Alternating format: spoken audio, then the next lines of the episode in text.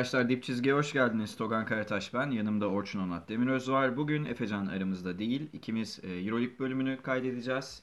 E, söz verdiğimiz gibi biraz geciktik ama e, Sağlık olsun. evet bölümü kaydetmeyi ihmal etmiyoruz. Özellikle Larkin'in rekor gecesi sonrası kaydetmesek olmazdı diyelim. Ayıp olurdu vallahi. Evet. E, Gerçi Efes'ten... ben bugün Pau sweatshirtimle beraberim ama Evet sen Efe, Efecan'ı aratmayayım dedim.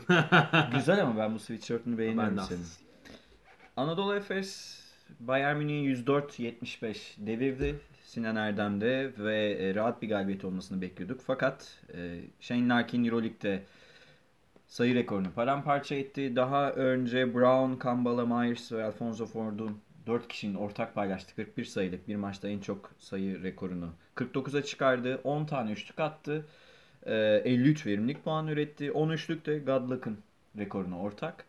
E, efsanevi bir performans, tarihi bir gece Anadolu Efes taraftarlarını mest etti ve hani EuroLeague tarihine geçti. Yani sadece Efes taraftarlarının değil bence hani bütün takip eden Muhtemelen. basketbol severleri mest etti diyebiliriz. Evet, şimdi e, hem Bayern maçını hem de Larkin'in bu performansını sana sormak istiyorum Orçun. Ne diyorsun maç ve Larkin'in bu özel performansı için? Ya açıkçası ben böyle bir maç beklemiyordum. Yani hatta ben ilk periyot e, şey diye düşünüyordum böyle hani Bayern'in oyuna e, iyi girdiğini ve böyle maçın sonuna gelebileceğini çünkü e, ritimli girdiler. Her ne kadar Monroe'yu e, kullanamasalar da gene işte e, bench'ten gelen guardlar üzerinden ve e, hani oyunun içerisinde kalmayı başardılar e, tehlikeli bir maç olabilir derken e, olay bambaşka bir yere gitti. E, hakikaten yani akıl almaz bir Larkin performansı izledik. Yani daha önceki sezon da buna benzer patlamalar e, yaşadı. E, Barcelona maçı olsun, F4'te yaptıkları olsun. Ama bu e, bence modern Eurolig'in e, köşe başlarından birisi ve gerçekten yani okyanusa taş atmak gibiydi yani. Hani öyle bir seviyeye çıktı. Efes hücum ritmi olarak e, bambaşka bir seviyeye çıktı. Yani ilk yarı gerçekten yani 60'ları gördü Efes. 57 sayıyı buldu ve öyle bir ritimde öyle bir akıcılıkta buldu ki bunu bayağı yani hani NBA performansıydı yani bu bunu açıkça koyalım yani hani Hı.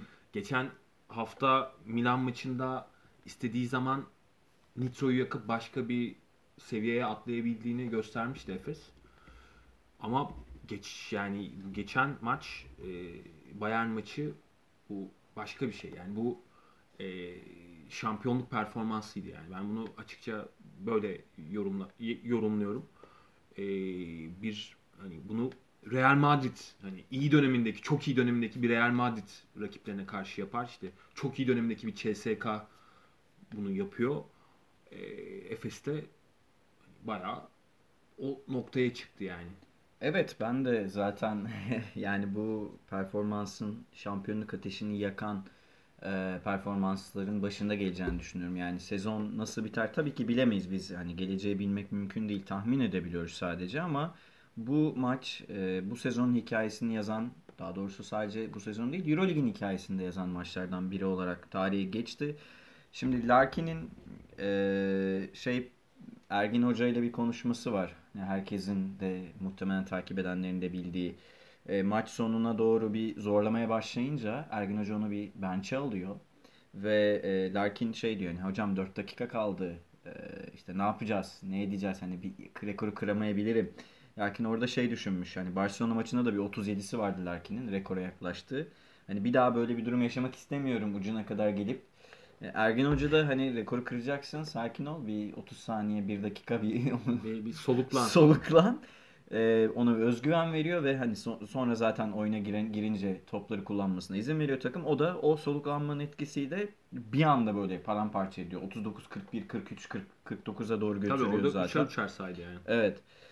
Ya şeyi söyleyelim. Bir Larkin'in e, belki bilmeyen vardır. Yakından takip eden herkes biliyor da obsesif kompulsif bozukluğu olan bir oy- e, oyuncu aslında. Özellikle genç dönemlerinde. Şimdi artık onu kontrol altına almış durumda ama Aşmış durumda diyebiliriz. evet. Mesela şey e, anlatmıştı bir kere.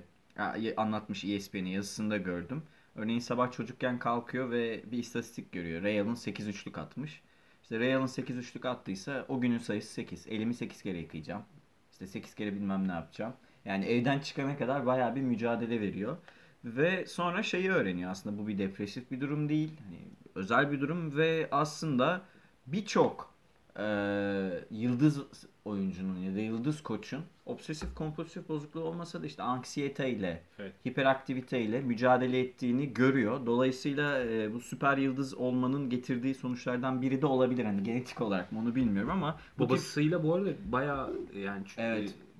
Sert hararetli tartışmalar yaşamış ergenliğinde. Yani E tabii kolay da değil yani. babası beyzbol oyuncusu. Babası şey yapıyor zaten. O e, sadece beyzbol oyuncusu değil, Hall of Fame Evet, yani. Hall of Hani Fame be- beyzbol oyuncusu. Yani üstüne gidiyormuş. Yani elini yıkamıyormuş. Larkin'e dokunuyormuş. Ya hala mesela musluğa falan dokunamıyormuş. Evet. Ama e, en azından bunu kontrol ediyor dediğin gibi. Ama şey e, demişti Larkin. Yani sahaya çıktığımda hiçbir sorun yoktu yani. Sonuçta saha mikroflu bir ortam değil mi? Terliyorsunuz, Evet. şey yapıyorsunuz. E, bu biraz şey gibi. E, kekeleyen insanlar çok güzel şarkı söyleyebilir ya bazen.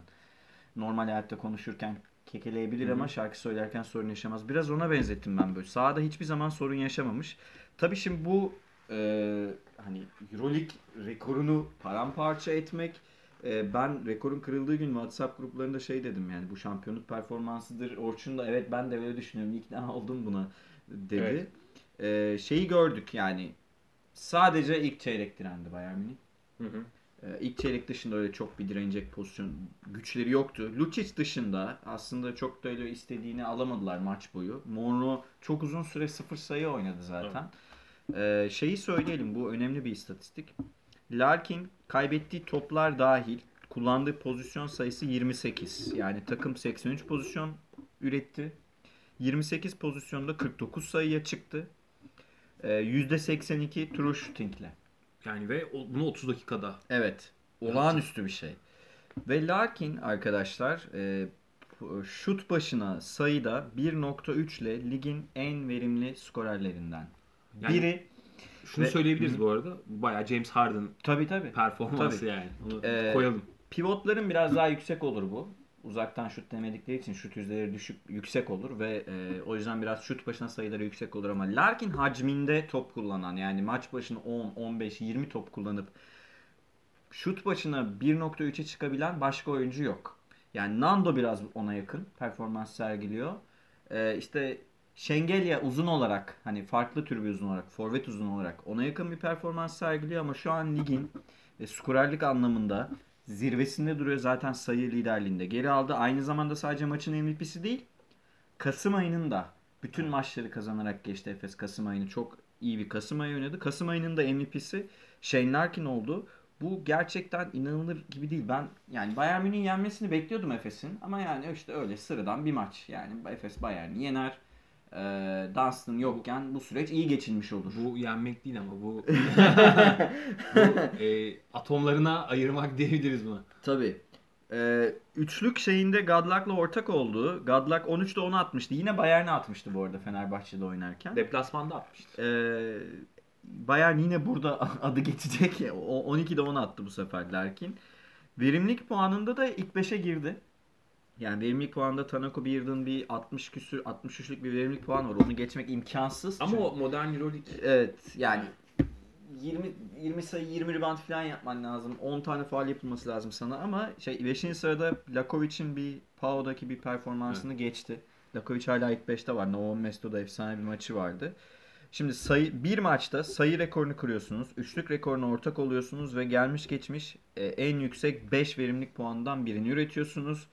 E, 27 yaşında Shane Larkin e, ve hani NBA'ye gitmeme kararı artık hani şunu anlamış durumdayız. Avrupa'nın kralı olmak için. Hani NBA'de belli bir rolü kabul etmek yerine ya da işte örneğin rakip gardı durdurmak gibi kısıtlı bir rolü oynamak yerine kendinin rahat edeceği, bütün yeteneklerini göstereceği, meziyetlerinin e, tavanını görebileceğimiz birlikte oynama kararı aslında Avrupalı basketbol severler için de bulunmaz bir nimet. My Way or Highway. yani, evet. Şimdi e, Dunstan'sız sürecin 4-0 geçilmesini kuşkusuz Shane Larkin'in vites atması çok e, etkili. Ki e, bu maçta Efes'in 2 sen, iki senedir sürükleyicisi Vasilya Mitsic'in sayı atmadığını fakat e, oyunu da zorlamadığını söyleyelim. Mesela Pau maçında oyunu çok force eden ve takıma zarar veren bir Mitsic vardı. Bu maç öyle yapmadı. Larkin'e topu bıraktı ve hani senin maçın sen oynaya izin verdi. E, bu maçta dikkat çeken senin de bir iki notun var. Onları Hı hı. sana yeniden soracağım ama şeyi söyleyeyim ben. E, Dunstan yok ve işte 3-4 maç olmayacağını henüz bilmiyorduk biz yani. Yok diye biliyorduk ama Dunstan yokken 4'te 4 deseler olur der miydin rahat rahat? Ben mesela o kadar rahat diyemezdim. Milan deplasmanı Ben de falan var. diyemezdim. Asfel deplasmanı var. Ki dememiştim zaten Evet. yani hani e, o iki maç e, haftasında ben Efes 1-1 yapar diye düşünüyorum. Milan'a kaybeder diye düşünüyorum. Milan'ı da yendi. E, Dunstan'ın yokluğunda yani Plyce ve Sertaç'ın gerçekten bu kadar kilit bir rol oynaması bence Efes'in e, geleceği açısından da çok kritik. E, Sertaç'ın inanılmaz bir çıkışı var. Yani gerçekten e, alkışlamak lazım. Plyce'ın da e, şöyle bir no- durumu söz konusu. E, Ergin Ataman'ın ona verdiği niş rolü e, iyi sahiplenmiş ve iyi oraya oturmuş durumda ki Ergin Hoca onu çok iyi yönetiyor. Yani bunu Milan maçında da görmüştük. E, maçın sonunda Plyce oynamıyor. Plyce'la başlıyor ve Plyce'dan alması gerekeni maç içerisinde alıyor. Maçın sonunu daha farklı beşlerle daha hani e, mismatch- Singleton'la. Evet yani mismatch sorunu yaşamayacak, eşleşme sorunu yaşamayacak. Herkesin rahat e, herkesi savunabileceği e, beşlerle oynamaya çalışıyor. Bu noktada bence e, Plyce'a da yarıyor. Yani Plyce'ın oyunda kaldığı sürede o e, hani defekleri de böylece sa- saklanmış, gizlenmiş oluyor. Bu, bu anlamda bence çok iyi bir e, coaching e, artısı da var Efes'in. O yüzden şunu rahatlıkla söyleyebiliriz. Yani bu sadece Plyce, Sertaç noktasında değil. Yani Singleton olsun, James Anderson olsun, e, Boboa'daki hareketlenme olsun. Herkes yani takımdaki herkes çok net bir şekilde rollerine artık e, ısınmış durumda ve bu e, takımın e, yani total anlamda direkt verimine yansıyan bir durumda.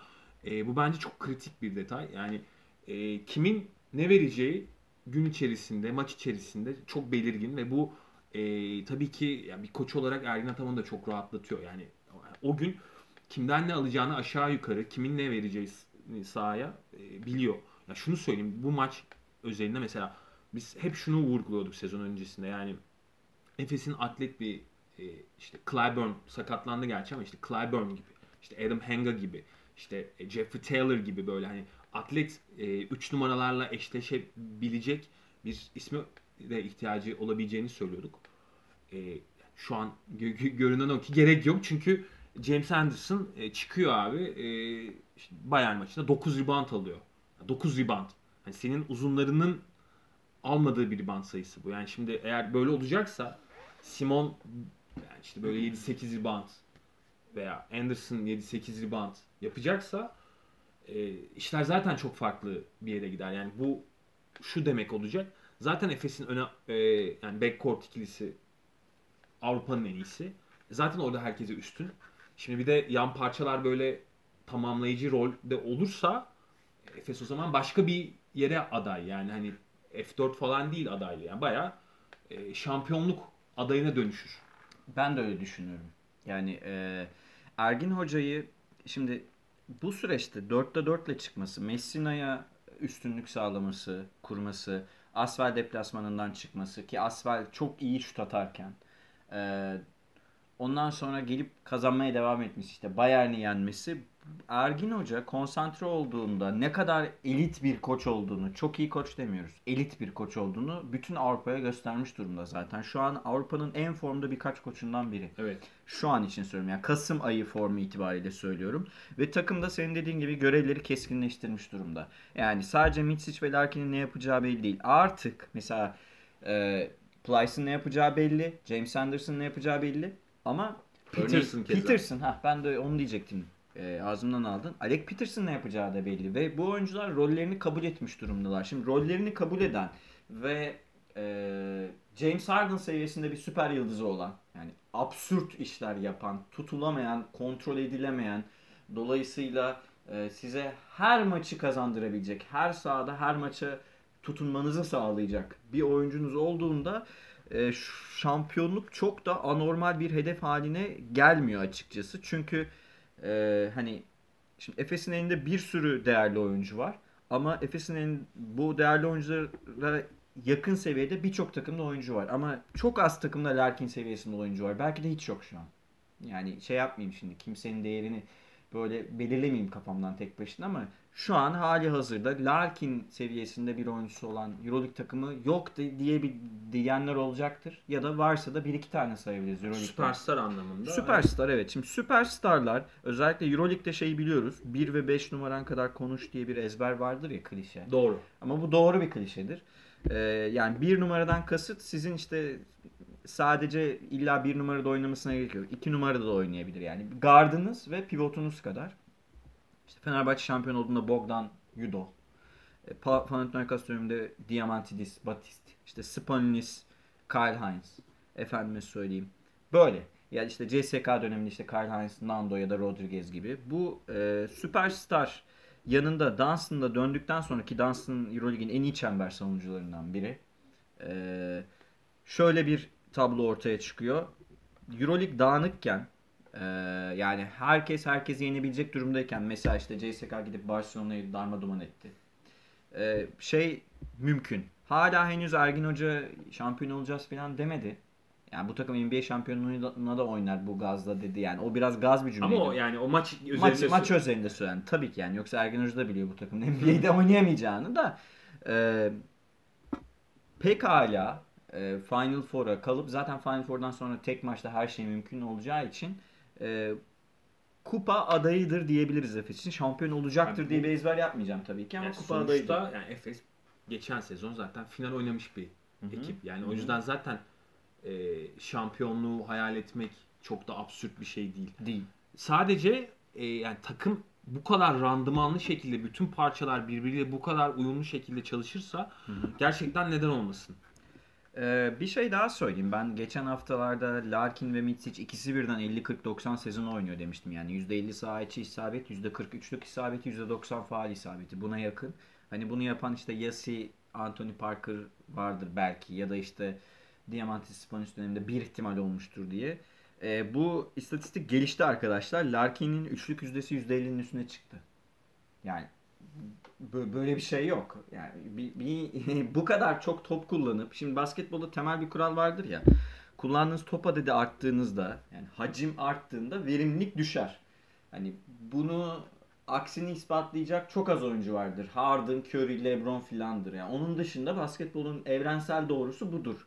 Top adediniz arttığında sizin %50 ise şut yüzdeniz 40'a düşer mesela işte. Bu genelde Larkin de artmaya devam ediyor. Yüzdelerini düzelterek ilerliyor ve %65'lik efektif şut yüzdesiyle oynuyor bu sezonu Shane Larkin. Sezon geneli için söylüyorum.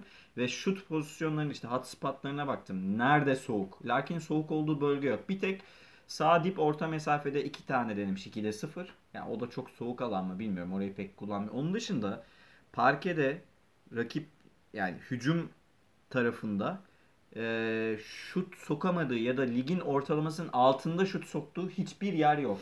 Her yerden sokuyor. Mesela sağlak oyuncular genelde sol taraftan daha iyi şut atarlar. İşte solak oyuncular tersi hiç bunun geçerli. Larkin için öyle bir şey geçerli. Sağın her yerinde şut tehdidi var. Sağın her yerinde penetre tehdidi var. Ve Euroleague'de öyle bir ayak avantajı var ki karşısında dura, duramıyorsunuz. Çünkü Euroleague'de işte uzunların şeyleri belli profilleri belli, kısaların profilleri belli. Çok az oyuncu var karşısında durabilecek. Abi bir, bir vites yani bir tık atmıyor vitesi. Hı-hı. Bir anda 3-4 Evet. E, vites atıyor yani. Hani ya. 2'den 5'e çıkıyor. FM falan oynayanlar bilir işte acceleration diye bir özellik var yani bir speed var bir de acceleration var. Yani speed'i zaten 20. Evet. E, acceleration hızlanması o da 20 yani aniden vites atıyor. Çok hızlı bir şekilde birden 5'e çıkabiliyor. Bu da çok az oyuncunun yapabildiği bir şey. Ee, ben şeyi de söylemek istiyorum yani Euroleague'de henüz çok fazla Efes forması giymedi Larkin. Çok uzun senelerdir oynamıyor ama e, yetenek anlamında bir kere kesinlikle Efes'e gelmiş geçmiş. En iyi guard'tır. Yani Namoski'nin önündedir. Yani bunu söyleyeceğim. Yani Namoski'nin yani. şeyine saygısızlık yapmayacağız. Yani abi bu. Ee, yani Mulo Omerovic'in de Namoski'nin de işte kim sayabiliriz? Farmer'ın da kesinlikle önündedir. Tartışmaya kapalı Ya, bence ya. Uzun süre oynamaya devam ederse yani Euroleague'de Efes forması giymeye devam ederse Namoski efsanesini de geçebilir. Ee, tabii bunun için bir kupa gerekebilir. Ay, Ee, ama bence Euroleague kariyer finali- olarak diyorum. Ama Euroleague finali bence Koraç Kupası'nın üstündedir ya. Ben de bence de üstündedir. Ona bir şey demiyorum. Sadece hani Namoski çok uzun süre oynadığı için Evet. Hani insanlar şimdi şöyle bir şey var. İnsanlar duygusal olarak bağlı olduğu oyunculara Michael Jordan, işte Peter Namoski, ne bileyim işte İbrahim Kutlay, Harun Erdanay. Ben mesela Haruncuyumdur. E, efendime söyleyeyim. Yani böyle çok sevdi Tamer Oyguç gibi oyuncuların önüne yeni jenerasyondan birini koy, koyarken biraz böyle çekinir. Ben mesela işte geçen haftalarda dedim Dunstan Tamer Oyguç'u geçmiştir. Larkin de pik olarak Namoski'yi geçmiştir. Ama kariyer uzunluğu olarak henüz daha var. Yani oraları tartışacağız. Olağanüstü bir sezon oynuyor ve henüz sadece daha 27 yaşında olduğunu hatırlatalım. Hala yani birkaç sene daha prime'ında izleyeceğiz biz Shane Larkin'i. Bence birkaç yıldan fazla. Yani 30 33'üne kadar falan belki bu ayak çabukluğunu koruyabilir. Zaten bu patlayıcılığı Yani sakatlanmazsa eğer. Evet. Ee, ve bu sezona çok iyi girdiğini, geçen sezondan farklı olarak sezonu çok istediğini hatırlatalım ki en son tweetinde şey dedi, e, bitmemiş işimiz var. Yani ben bu e, bu tip motivasyonel cümlelerin e, oyuncuların kafalarında bazı şeylere odaklanma anlamına geldiğini düşünüyorum. Yani kafayı takmış bir şekilde kupayı getirmek istiyor. Yok onu zaten söylüyor. Yani şey diyor. e, Türkiye şampiyonluğunu aldık. İşte e, Cumhurbaşkanlığı kupasını aldık. İşte şu an iki kupa var. İşte Türkiye bir Türkiye kupası, diğeri de Euroleague kupası diye. Evet şimdi Hı. bu bu kupaları getirebilir mi ona bakacağız. Daha henüz Aralık ayındayız ama e, ne kadar çok e, istediğini görmüş olduk ve bu başarısı çok çok fazla V dedim kusura bakmayın arkadaşlar. Başarısı tarihe geçmiş durumda. E, Ergin Hoca'nın da bunu da tekrar söylemek istiyorum. Yıldız yönetimi konusunda e, yani bunu söyleyelim. NBA'de yıldız yönetiminde D'Antoni neyse Bence Ergin D'Antoni diyebiliriz. yani evet.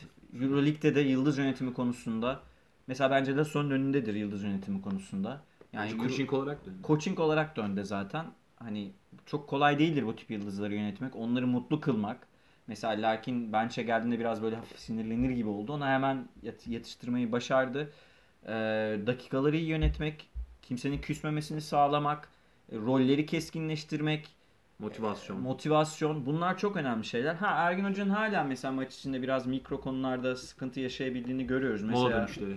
Yüksek show up'larda onu da söyleyeyim bir teknik detay Bay- Bayern maçında. Çok yüksek show up'ta topu dibe indirmeyi bir türlü beceremedi Efes birkaç Ki pozisyon. Yüksek up çok kolaydır yani. Evet yani delmek çok, kolay. savunma genişledikçe o savunmayı delmek daha kolaydır ama yani onu yapamadı Efes. Ama ben bu tip sorunların ileride e, çözülebileceğini düşünüyorum.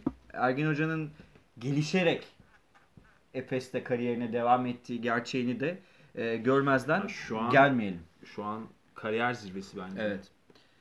E, Keza ben de Sertaç Şanlı ile ilgili bir şey söyleyip e, Efes'le ilgili kapatmak istiyorum. Sertaç Şanlı Dans'ın yokluğunda gerçekten hani acil durumda camı kırınız gibi Evet. yetişti.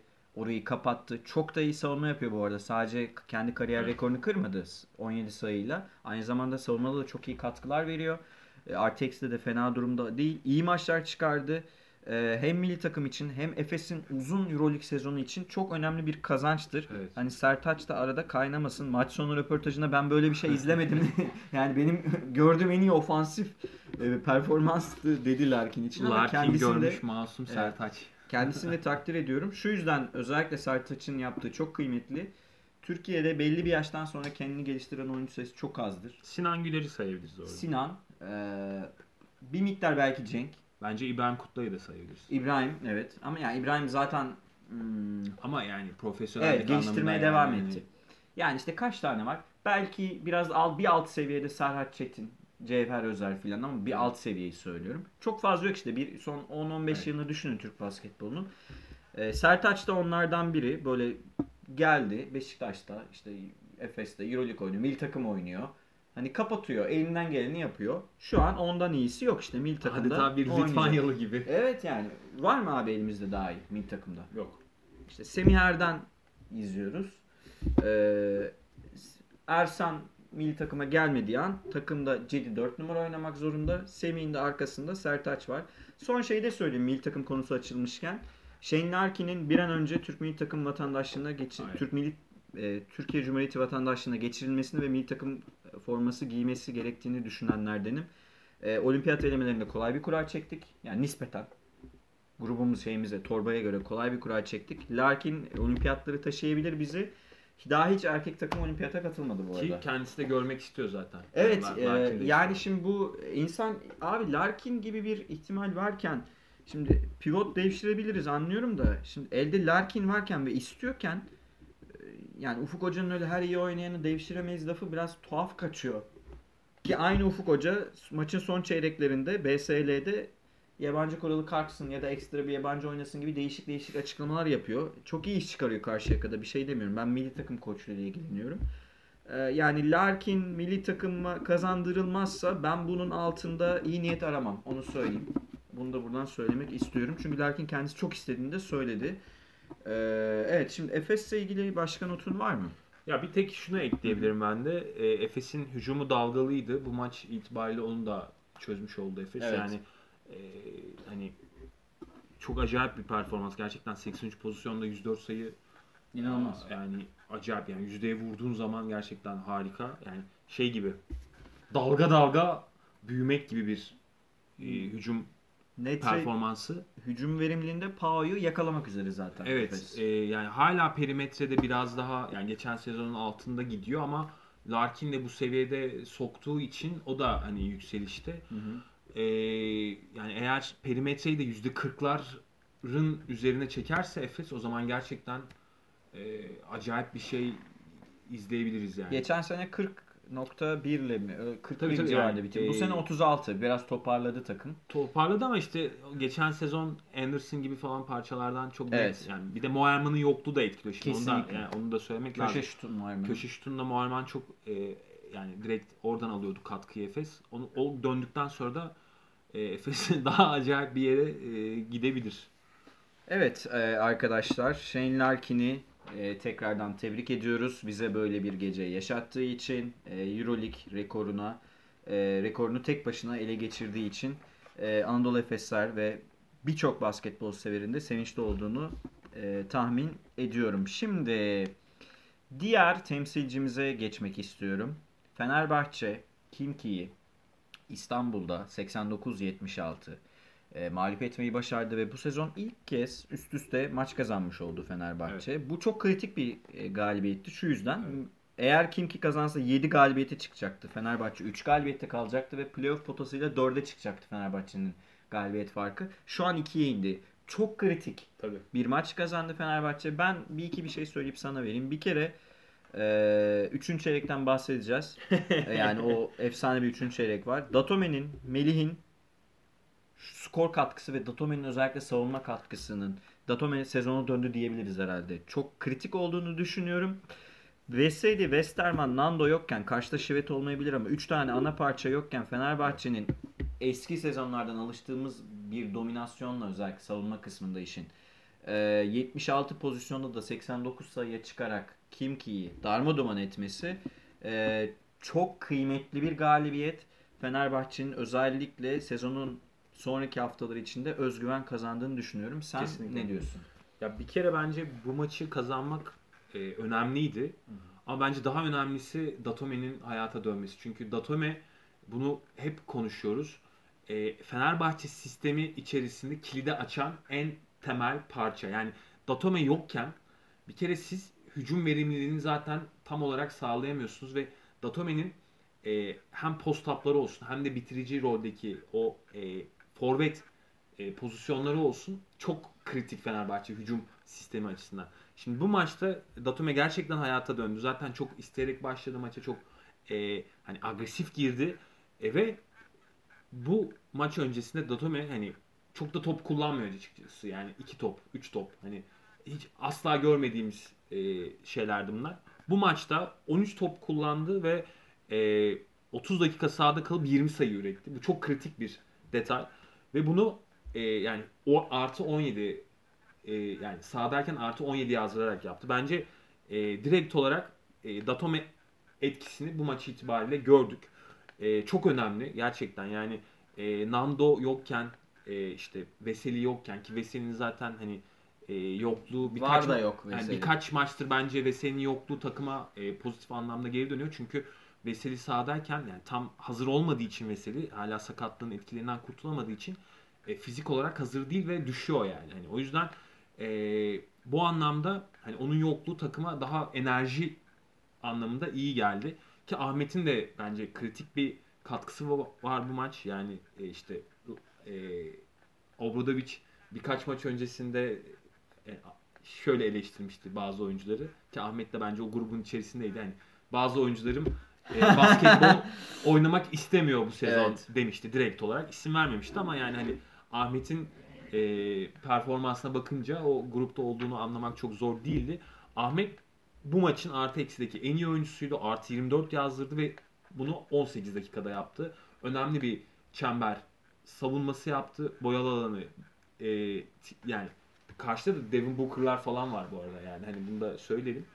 E, kapamayı bildi. Şimdi bu işin bir tarafı. Ama bence e, Fenerbahçe'nin yani bu sezon gerçekten hatta Obradovic'in kariyeri boyuncaki en kötü hücum takımını izliyorduk biz. Yani bütün kariyeri boyunca e, Obradovic'in bu kadar verimsiz hücum eden bir takımı yoktu. Ama geçen maç itibariyle Fenerbahçe e, geçtiğimiz sezonlardaki hücum verimliliğine erişti diyebilirim. 76 pozisyonda 89 sayı bence çok kritik. Yani ki Fenerbahçe zaten hani Obradoviç takımları bu e, yani 75 74 yani çok 80 üstüne çıkmaz Obradoviç'in 80 takımları. üstüne çıktığında Fenerbahçe'yi e, yani yenemezsiniz demeyeyim ama çok zor yenersiniz. Çok zor yenersiniz. Yani possession anlamında söylüyorum zaten. Hani e, 90 sayıya bu kadar iyi yani 80 altında top kullanarak çıkmak önemli bir detaydı. E, şunu da söylemek lazım. Yani e, kim ki aslında ilk yarı çok iyi girdi. Yani tam Kimki'nin basketbol oyunu, oynanıyordu işte. Atalım. Yani Şivet yoktu belki ama Kimki'nin iyi atıcıları var. Bunu söylemek lazım. Timma gibi, işte Yerepko gibi, işte Bertans gibi. Bunlar iyi atıcılar ve günündeyken e, çok yüzdeli sokan isimler. Ki yani kim ki ilk yarı 49 sayı buldu. Yani e, o muhtemelen ilk yarıyı izleyenler eyvah maç gidiyor mu gene e, durumunu yaşamıştır. Çünkü kim ki çok direkt Timma özellikle. yani ateşi saçarak girdi ve yani Timma ilk yarı zaten 24 sayı buldu ama bunu çok yüzdeli şekilde yaptı. Yani ilk 4 şutu kaçırdı ama sonra acayip bir yüzdeyle attı. Ama maçı 26 sayıyla tamamladı. Yani ikinci yarı Timma söndü, Kimki söndü. Ee, ve bu hani 26 sayıda 22 pozisyonda attı. Yani çok aslında çok kötü bir e, hücum verimliliğiyle yaptı bunu. E, Fenerbahçe'nin 3. çeyrekteki bence 26 21'e 6'lık o yani maçı orada kazandı bence. O hani orada kırdı maçı. E, orada diferans yaptı ve e, Kimki'nin zaten Kimki dağılmaya çok açık bir takım. Bunu da e, görmüş olduk. E, 3'te 0 gidiyorlar. 3 maç arka arkaya e, kaybetmiş oldular. Yani Kimki adına da şunu söyleyeyim. Abi Kurtiniatis'le işte bu kadar. Yani inersin çıkarsın böyle bir hani standardın olmaz. E, işte gününde olduğun zaman kazanırsın ama bir hani bence şu an itibariyle ben bundan artık emin oldum 3 hafta boyunca. E, kim ki korkmamız gereken bir takım değil. E, yani playoff belki playoff yaparlar. Yani 7'den 8'den ama e, çok dağınıklar. Yani hemen çok kolay dağılmaya müsait bir takım kim ki. Bu bunu rahatça söyleyebilirim ama bu Fenerbahçe'nin galibiyetine tabii ki gölge düşürmez. E, bu Kimki'nin kendi sorunu yani. Hani e, velhasıl İyi oynasalarmış yani. yani aynen öyle hani bu Fenerbahçe ile Evet. ilgili bir durum değil. Fenerbahçe bir, bir çeyrekte e, Duman yani, etti. yani duman etti Kimki ve şey e, bunu savunmayla yaptı aslında bir yerde yani. Hani biraz savunma dozajını kanatlara yaydı. Orada hani e, tepede daha zor yenilir bir hale geldi ve bir anda Kimki dağıldı. Bu e, önemli bir galibiyet çünkü dediğin gibi yani Fenerbahçe bu maçı kaybetseydi playoff potasından iyice uzaklaşacaktı ve e, özgüven Sorunu evet. sorunu iyice ayyuka çıkabilirdi. E, tebrik etmek lazım. Yani şimdi arka arkaya e, Fenerbahçe kazandı ama şunu da söylemem lazım. Yani hala e, yani kim ki ilk yarı gerçekten bir screen üzerinden yani çok çok kolay bazı pozisyonlarda sadece bir e, forvet roll'ü üzerinden falan yani çok kolay deldiği anlar oldu Fenerbahçe'nin. Bu kadar kolay e, delinmemesi gerekiyor bu savunmanın. E, hala e, o anlamda e, sorunlar var. Benim e, şimdi Euroleague'de deflection istatistiği yok yani rakibi birebir de bozma. Hani top çalmadan bozma öyle söyleyeyim yani rakibin şut veya pas pozisyonunu bozup başka bir karar vermesine zorlama diyelim. E, Fenerbahçe'nin muhtemelen bu sezon Euroleague'de oynadığı e, rakibi bozan, pas kanallarına baskı yapan, topa baskı yapan, e, birebir de oyuncunun kararını değiştirmesine neden olan en iyi savunma çeyreğiydi. Yani şöyle düşünüyorum evet 11 maçta muhtemelen en iyisi buydu. Şimdi basit bir muhtemelen altyapı koçlarının söylediği bir şey vardır. En azından benim duyduğum bu böyle. E, savunmada birinci kural şudur. Birebir savunmada tuttuğun adamın önce top almamasını sağlarsın. Yani ondan sonra top alırsa işte başka bir savunma şablonu devreye girer. Topu aldırmadı Fenerbahçe. Bayağı bir kim ki hücumda debelendi. Yani debelene debelene oynamaya çalıştılar. Bu çok büyük bir artı. Hem sezon için hem maç için zaten maçı kazandıran nokta buydu. Ve hani bu kadar çok e, bozduğu bir çeyreği de 15 artı 15'e kapatması Fenerbahçe'nin doğaldı 21-6 ile. E, Kurtinyanis konusunda evet haklısın. Ona geleceğim ama bir not daha vermek istiyorum. Fenerbahçe bu sezon 10 maçta Euroleague'de 50 top çalmıştı yani. Steal istatistiğin toplamı 50 idi. Bu maç 9 top çaldı. Bir maçta geliştirdi bu istatistiği. Ortalamayı iki katına çıkardı ve e, farkı yarattığı noktalardan biri de bu. Asist top kaybı oranını 1'in işte 1.2'nin falan üzerine çıkardı. 17 asist, 13 top kaybı var. E, hiç fena olmayan bir oran. Kötü değil evet. E, top kaybını işte sınırladı. Rakipten çok fazla top çalmayı başardı. İşte yani bir de bir şey daha söyleyeyim ben şimdi. Yanis Timma Euroleague izleyenlerin beğendiği bir oyuncudur ama e, şimdi Olympiakos sezonu olmadı. Yanis Timma çok iyi oyuncu ile iyi oyuncu arasında yani o sınıflandırmada sıkışmış bir oyuncu. Gelip gidiyor. Yani Timma tek başına Fenerbahçe gibi e, yani formsuz olsa da güçlü kadroları bence yenebilecek bir oyuncu değil. Değil tabii. Yani ama e, işte biraz Gil'den falan kat kaldılar. Kurtinyanis'e oradan geleyim ben. E, şimdi Obradovic'in takımı vidaları sıkarken, bozarken savunmada yani bildiğimiz old school Euroleague savunması yaparken e, yani Kurtinyanis ikinci yarı Maçı izledi abi. e, hiçbir şey yapmadı. Evet. Yani Biri atsın diye baktı. yani momentumu değiştirecek. Yani sonuçta Fenerbahçe çok baskın Hı hı. geldi 3. çeyrekte. Yani Hı hı. bayağı bastı yani böyle hani domine etti kim ki. Abi yani hala e, Timma maçı çevirecek mi, kurtaracak? Yani Timma zaten vereceğini verdi. İlk yarı adam yandı, söndü yani. Hani onun yanına senin birilerini daha ekleyebilmen, katabilmen e, gerekiyor yani. İşte hani, bu şivet alışkanlığı sanırım. Yani şivet çıksın 30 atsın, şivet çıksın 6 tane şut atsın. şunu söyleyeyim Şivet 20 sayı ortalamayla oynuyor. Tabii ki yani, Yani. Şivet'in yokluğu bir kere yani her şeyden önce Kimki'yi zaten hücum E tamam da abi performans Nando, olarak düşürüyor. Nando yoktu E, Fenerbahçe'de tabii. de yani. Ha şimdi asıl benim gelmek istediğim olay o. Şimdi biz e, asist top kaybı oranında e, iyi dedik. Yani evet. Kötü değil dedik Evet. Fenerbahçe. Neden? Çünkü top Sulukas'ın elindeydi. Evet. Şimdi Nando geldiği zaman bakalım ne olacak. Yani gene aynı e, sıkışmışlık, top paylaşamama, Hı hı. benim topum senin topun işte ben birebir oynayacağım ben e, organizasyon Dağıtacağım. yapacağım e, sorunu olacak mı? Şimdi Nando yokken Sulukas Fenerbahçe- 9 asiste çıktı bu arada. Double double'a yakın oynadı. şimdi evet yani Sulukas gene bu takım benim dedi. Yani hani organizasyonuyla zaten maçtan sonra da bir fotoğraf paylaştı işte passion diye hani tutku diye bir fotoğraf paylaştı. Güzel. E, Nando yokken Fenerbahçe iki maç kazandı. E, ve hani Veseli de yok bu arada. Hani Jovic'e maçta- üstün, üstünlük sağladı. Bu, bu maçta Hı. Kalinic de yoktu. Yani bunlar önemli. Hı hı. e, Ha evet Kaniş de yoktu. yani bunlar önemli e, parçalar. E, orada Slukas bir karakter koydu. Hani dedi ki yani bu takımın hani anahtarı bende dedi. Hı hı. Şimdi yarın öbür gün Nando döndükten sonra bakalım ne olacak. Ben bunu merak ediyorum. Şimdi e, sezon başından beri bizim e, gördüğümüz ve açıkça belirgin olan bir e, hücumdan yani Nando ile Sulukas oynarken çok ciddi bir uyumsuzluk sorunu var. E, Obradovic bunu nasıl çözecek? Ben onu merak ediyorum. Yani birkaç ma- maçta, maç içinde birkaç dakikada belli sekanslarda Nando'nun dağıtıp e, şey Sulukas'ın dağıtıp Nando'nun bitirdiği güzel pozisyonlar izledik ama bunu genele yaymadı, henüz. Fenerbahçe. E, bunu ben de merak ediyorum. Ya tabii ki Nando yok Fenerbahçe daha iyi oynuyor demiyorum. Yani Demiyorum. Nando'ya ihtiyacı var Fenerbahçe'nin. Onu demiyoruz. Kesinlikle. Çünkü her maç böyle gitmez. E, yani şimdi ana parçalar yokken Fenerbahçe'nin her maç bu 90'a falan çıkması da mümkün değil. Yani Melih Mahmutoğlu'nun Evet. bu kadar verimli oynaması ya da işte Ahmet'in sürekli böyle bu seviyelerde oynaması kolay değil. Ama yani bu da bir gerçek. E, Slukas'ın Nando yokken yükselen bir grafiği var. Şimdi evet biraz e, birbirinin İşin de üstüne- ironisi bu yani. Birbirinin üstüne binme durumu söz konusu dediğin gibi. E, izleyip göreceğiz. Şimdi gelecek hafta Fenerbahçe ile ilgili başka notun var mı?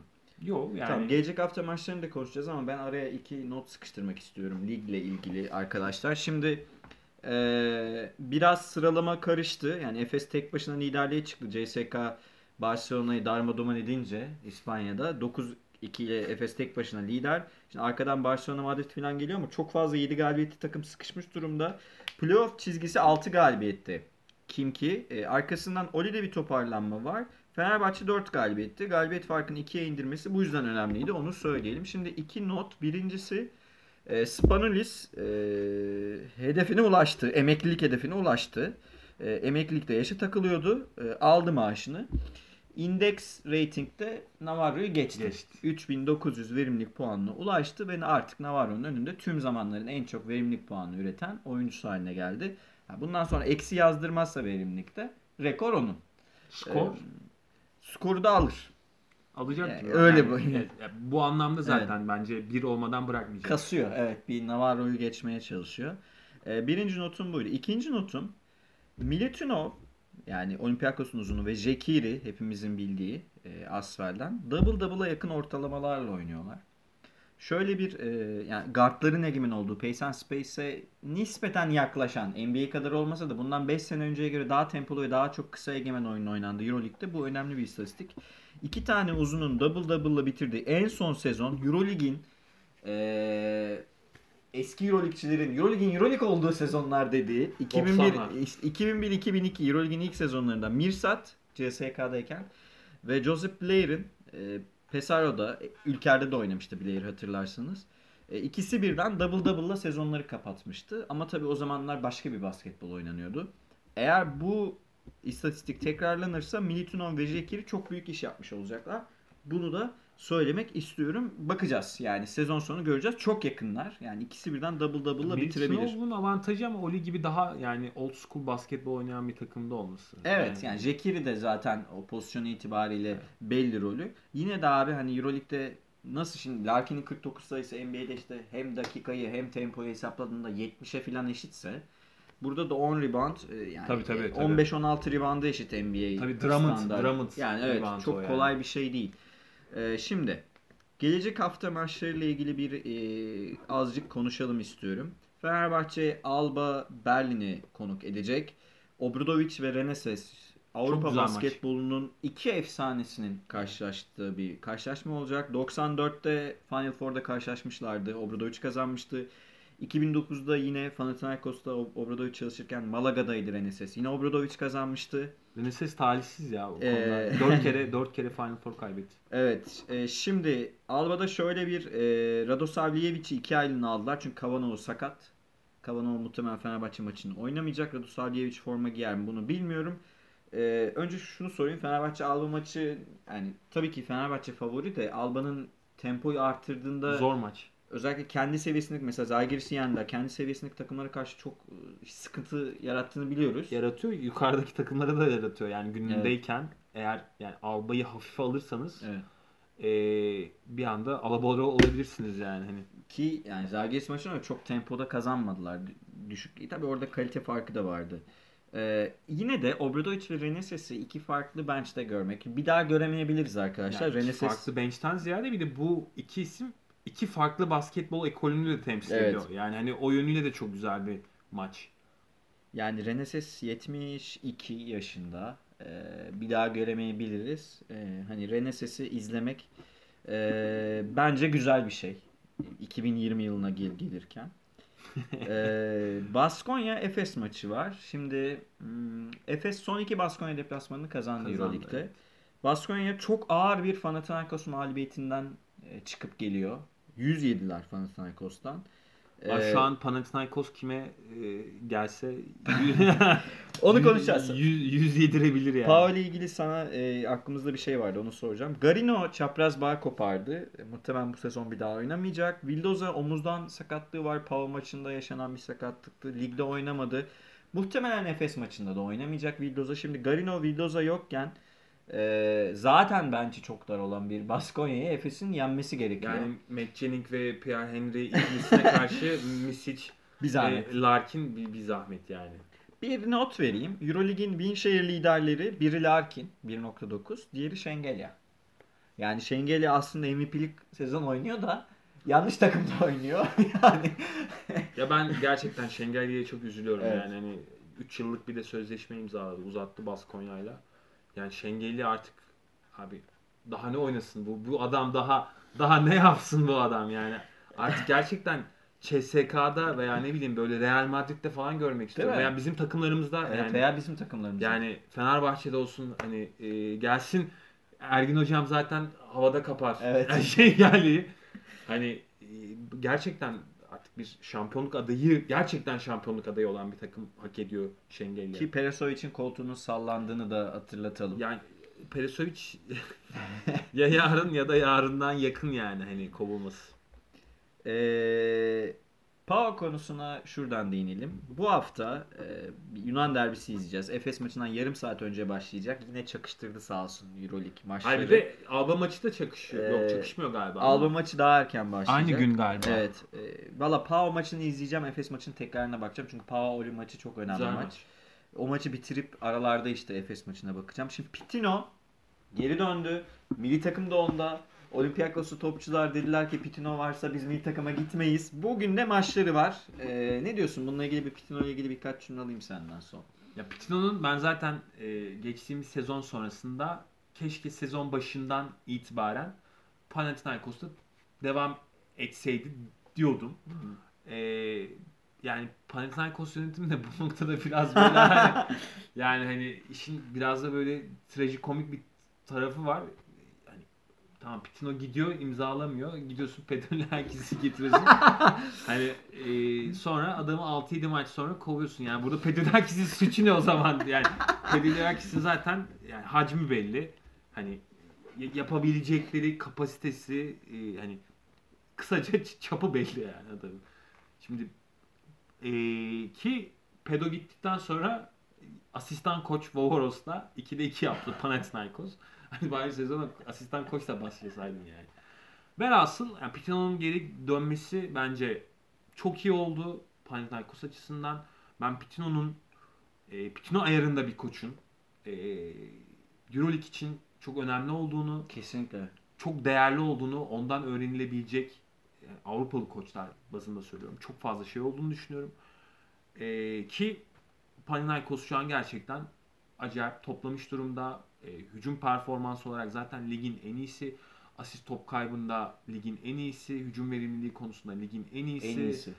E, yan parçaları işliyor. Deshaun Thomas e, acayip bir e, sezon oynuyor falan. Yani Şu an ligin en iyi kısa forveti. Şu an söylüyorum. Evet. En formda. en formda. Yani Papayannis'i işliyor. Kalates her ne kadar e, maç toplarını kullanmak zorunda kalmazsa e, iş yapıyor. Yani şu an orada işleyen bir düzen var. E, kimin orada ne yaptığı roller belli. E, geçen sezon almadıkları bench katkısı da bu sezon alıyorlar. Papa Fred- Petro özellikle. Papa Petru inanılmaz bir sezon geçiriyor. Fredet gibi bir süper yıldızları var. E, velhasıl Panathinaikos her hafta biraz daha üstüne koyarak, yükselerek e, tehlikeli bir yani temsilcilerimiz açısından tehlikeli bir takım e, olarak Evet. geliyor. Pitino da e, takımı iyice bu noktada havaya sokar abi. E, bizim açımızdan iyi olmadı ama Panathinaikos açısından çok iyi oldu diyebilirim. Şeyi söyleyeyim şimdi Euroligi takip eden hesaplardan biri Avrupa'da işte unuttum. Rob Scott mıydı? Lost GPS? Unuttum. Bir tanesi paylaştı. Fredet logodan atmaya başladı ya böyle deniyor hani. Lillard gibi, Trae Young gibi filan, Curry gibi. Ee, Euroleague bu tip şeylere alışkın olmadığı için işte şut e, haritasında çizginin önüne koyuyorlar yani. yani Euroleague hani bari üçlükleri yaparken hani şutun nereden atıldığını bize göster. Hani on fit'ten mi nereden atılıyor? Biraz- Belli değil. Belli değil. Logodan atıyor. Logodan, adam logodan atıyor ama şey yani tepede bir adım iç dışarıdan atmış gibi görünüyor. Ee, yani Fredet'in nasıl bir süperstar olduğunu zaten yani konuşmaya gerek yok. Panathinaikos yani biz çok seviyoruz Yunan derbilerini izlemeyi e, dip çizgi ekibi olarak. Ağır favori çıkacak bu maça. Zaten Evet. o kadar. Çok ağır favori çıkacak ama e, hiçbir zaman e, bu tip maçlarda e, Sponnis'i, Printes'i yani 78 yaşına da gelse hafife almamak lazım. Sponnis'in Diamantidis'in veda maçında onu nasıl gönderdiğini hepimiz Evet. biliyoruz. E, dolayısıyla Ki Oli de kazanarak geliyor yani. Evet. Onlar da üst üste kazanlar. toparladı Oli. 5 Topa- galibiyet. Yani en Beş azından galibiyet. kıpırdandı diyebiliriz yani. 10. sıraya çıktılar. Ya onlar da sağ Evet. olsunlar David Blatt'i gönderdikten sonra yani hani e, bir oynamaya karar vermiş gibiler. Evet. Kolay maç olacağını düşünmüyorum ama tabii ki Panathinaikos ağır favori. Ağır Bizim favori. takımlarımızın, e, Türk takımlarının bu haftayı kayıpsız geçmesini bekliyoruz. Evet. Umarım her şey bizim istediğimiz gibi olur ve e, Euroleague'de daha rahat yol almaya Ha başlarız. şunu da söyleyeyim. Yani Pitino tabii ki Yunanistan'ın e, head coach'u olacak yani. Kusura bakmasın Printezis ama hani e, bir zahmet olsun yani. Senin elinde daha yani kim yönetecek abi Yunanistan'ı? Daha iyi koç mu var getirebileceğin? Yani daha iyisi varsa getir. Kimi getireceksin? Hani Trinkieri falan böyle sen de öyle işte yani. Şimdi şöyle- Kimkiye mesela. Trinkieri abi e, benim çok sevdiğim ve modern basketbol oynama konusunda e, kararlı takımlar için olur. Kim ki biçilmiş kaftan Trinkieri için. Getir hani sana akan, keyif veren hücum basketbolu oynarsın. Ama şimdi e, Yunanistan gibi işte Evet. bile, bilet bu, bu noktada adam yani hani Duvara çarptı. Piri yani tamam mı? Piri. Ama Yunanistan'da belli refleksler var, belli alışkanlıklar var ve onları kırmak kolay değil. O yüzden e, bu noktada Trinkieri doğru isim olmaz. Yani Trinkieri bence şu an Olympiakos'a da gelse o işte Spanulis duvarına, Printezis duvarına çarpar. Yani e, o yüzden bence e, hani bu anlamda kimlik konusu çok önemli. Yani profile göre koç belirlemek gerekiyor. Trinkieri oraların koçu değil. Ben mesela sen deyince aklıma geldi. Bir e, Oli hatta ben onunla ilgili çok eskiden bir yazı yazmıştım. Olympiakos Panathinaikos Panathinaikos maçın bir EuroLeague maçında e, o kadar topun kıymetini bilerek oynamıştı ki takımlar. Toplam top kaybı sayısı 8 filandı. Yani iki takımın yaptığı toplam o civar 8-9'du yani. Başka bir basketbol alışkanlığı var. Dolayısıyla dediğin gibi evet çok kolay değil. Yani Pitino'nun gelmesi bu arada Yunanistan milli takım açısından bir kazançtır. Yani Pitino sonuçta Amerikan kültürünün e, yetiştirmiş olduğu NCAA'lerdeki en değerli isimlerden birisi ve ya adam hani celebrity management diye bir e, kavram varsa bunun kitabını yazmış bir adam yani. Ya Hani yetiştirici bir koç. Yolsuzluk vakası olmasa gelmezdi zaten. Bunu Gelmezdi evet. zaten. O da ayrı bir mesele Evet. ama yani şimdi senin takımında Antetokounmpo falan varken yani kim yönetecek abi onu yani? Peki Pedolakis mi yönetecek yani? Hani, Evet. Tabii ki Pitino yönetecek. Evet. Printezis kusura bakmasın da hani ya da kimi getireceksin? Tribünden hani şey mi getireceksin? Ee, geçen maçta olan e, efsane koç e, Yunanistan'ın eski koçu kimdi? E, Ha, Oli'nin eski gardını diyorsun. Şey- Unuttum. Unuttum abi neyse. e, e, ama Yanakis. Yanakis mi Ha. getireceksin yani hani 70 yaşına gelmiş. Yani, Evet. eee, güzel. Yunan muhabbetinde Ya yaptık. abi yani eldeki en iyi Evet. malzeme bu yani. Abi bir de zaten milli takıma koçlar gelmek istemiyor ki. İs- İs- İs- İspanya dünya şampiyonu oluyor. Scariolo ile çalışıyor abi. Abi Pitino bence gerçekten bir de zaten bir buçuk sezondur orada yani hani artık Yunan adalarının da Yunan meyhanelerinin de yani iyi yani hani biliyor. Tavernaları da iyi biliyor. Tabii ki o gelecek yani. Oyuncuları da takip ediyor. Güzel güzel. Euroleague'de ve Yunan milli takımda Pitino'yu izlemek güzel. Tabii. Eee Euroleague'in çok büyük e, değer kazandığını Zaten artist artist böyle bir ilk maçta hani hani bir gelişi var böyle şeyden iniyor otobüsten iniyor. Evet evet. E, 30'a yatıracağım gibi 30'a yatıracağım girişiyle geldi adam. Petrali yürüyüşüyle. Petrol girişiyle. evet. e, başka notun var mı Orçun? Yok valla umarım 2'de 2 yaparız. Evet. Ee, bizi dinlediğiniz için teşekkür ederiz arkadaşlar. Ee, NBA bölümüyle ve Euroleague bölümleriyle karşınızda olmaya devam edeceğiz. Hoşçakalın, basketbola kalın. Herkese iyi haftalar diliyoruz.